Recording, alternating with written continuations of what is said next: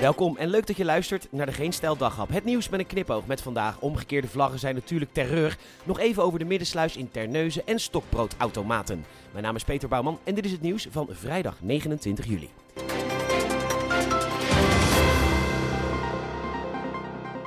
Een gesprek in de kroeg gisteravond. Iemand vond het maar niks dat er overal omgekeerde Nederlandse vlaggetjes hangen in de straat. Type maakbaarheid waar we in dit land al zo lang door bestuurd worden. Want natuurlijk is het zo dat bezoekjes aan ministers en trappen tegen politiebusjes niet oké is. Maar vervolgens vinden de boeren een ludieke manier om een onvrede te uiten. Namelijk het op de kop hangen van vlaggetjes. Dan wordt er weer iets anders gezocht om er tegen te zijn. Er zijn Nederlanders gestorven voor die vlag. Komt dat sentiment opeens om de hoek kijken? Ja hoor, Nederland gidsland als het gaat om sterfbereidheid voor het land. Wat zijn we trots op onze drager van de militaire Willemsorde als hij pissend tegen een kerk een politieagent een kopstoot geeft. We hangen de vlag op zijn kop. Dat kan echt niet hoor. Het land staat in brand.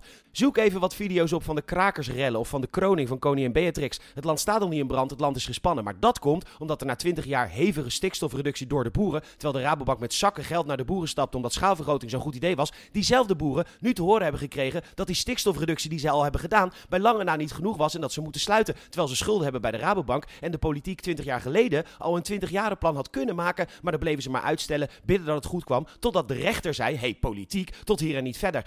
En de oplossing is een kaartje waarop staat dat in sommige gebieden opeens, of nou ja, opeens, hadden ze een 20 plan voor kunnen maken 20 jaar geleden, maar opeens 90% extra stikstofreductie moet plaatsvinden. En in plaats van het zelf op te lossen, gooien ze het over de schutting bij de provincies en zeggen ze, joh, je hebt een jaar de tijd, dikke doei, wij zijn op CO2 stikstof vliegvakantie op Curaçao. Dat is waar maar spanning is in dit land, niet vanwege wat omgekeerd wapperende vlaggetjes.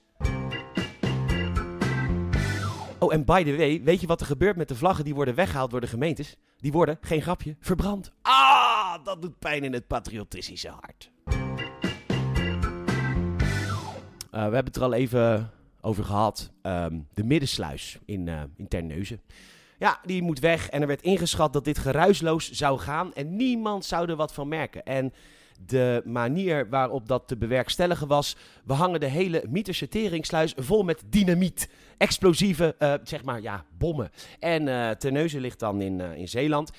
ja, en de schokgolf werd tot in de Ardennen gevoeld. Ja, echt, de vaklui staan aan wal. En weet je, ik begrijp die mensen heel goed. Je beroep is namelijk dingen opblazen met bommen. Dat je dat legaal mag doen is natuurlijk fantastisch. Feitelijk een van de leukste beroepen op aarde. Dus als er dan een aannemersbedrijf komt en die vraagt die inwoners die gaan toch helemaal niks merken? Dan zeg je, nee joh, merken ze niks van. Kijk, wat wij doen, en we doen het vaker, want we zijn uh, vakmensen. Kijk, wij leggen die hele kadewand vol met, uh, met dynamiet. Eigenlijk, ja, soort, het is eigenlijk een soort bom, maar gewoon dan heel veel bommen.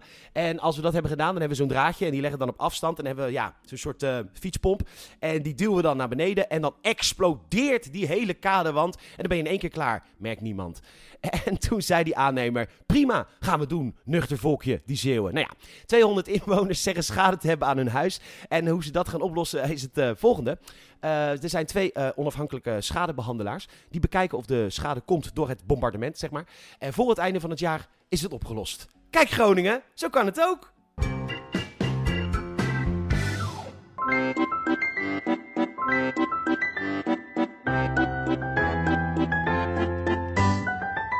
De persoon die mij door deze zomer sleept is Frank Renault. Of misschien is het wel gewoon Renault, maar hij is correspondent voor de NOS in Frankrijk, dus dan denk je Renault. En hij maakt deze zomer heerlijke verhalen. Vandaag de stokbroodautomaat. Weet u, in de dorpen in Frankrijk vertrekken steeds meer bakkers omdat er te weinig mensen wonen en dus verrijzen Hmm, dat deed ik even, verreizen. Er overal stokbroodautomaten en de bewoners vinden het geweldig. Ze maken een praatje, een grapje met elkaar, terwijl ze zeven minuten wachten totdat het stokbrood in de automaat wordt afgebakken. Heerlijk, zin in brood, brie en wijn. Bedankt voor het luisteren. Wil je ons steunen? Dat kan. Dat zouden de redactie, onze Tom Staal in Den Haag en ik enorm waarderen. Dat kan via premium.geenstijl.nl voor een lidmaatschap. Je kunt uh, Geen Stijl natuurlijk overal volgen. Of je kunt een vriend vertellen over deze podcast. Nogmaals bedankt en tot morgen.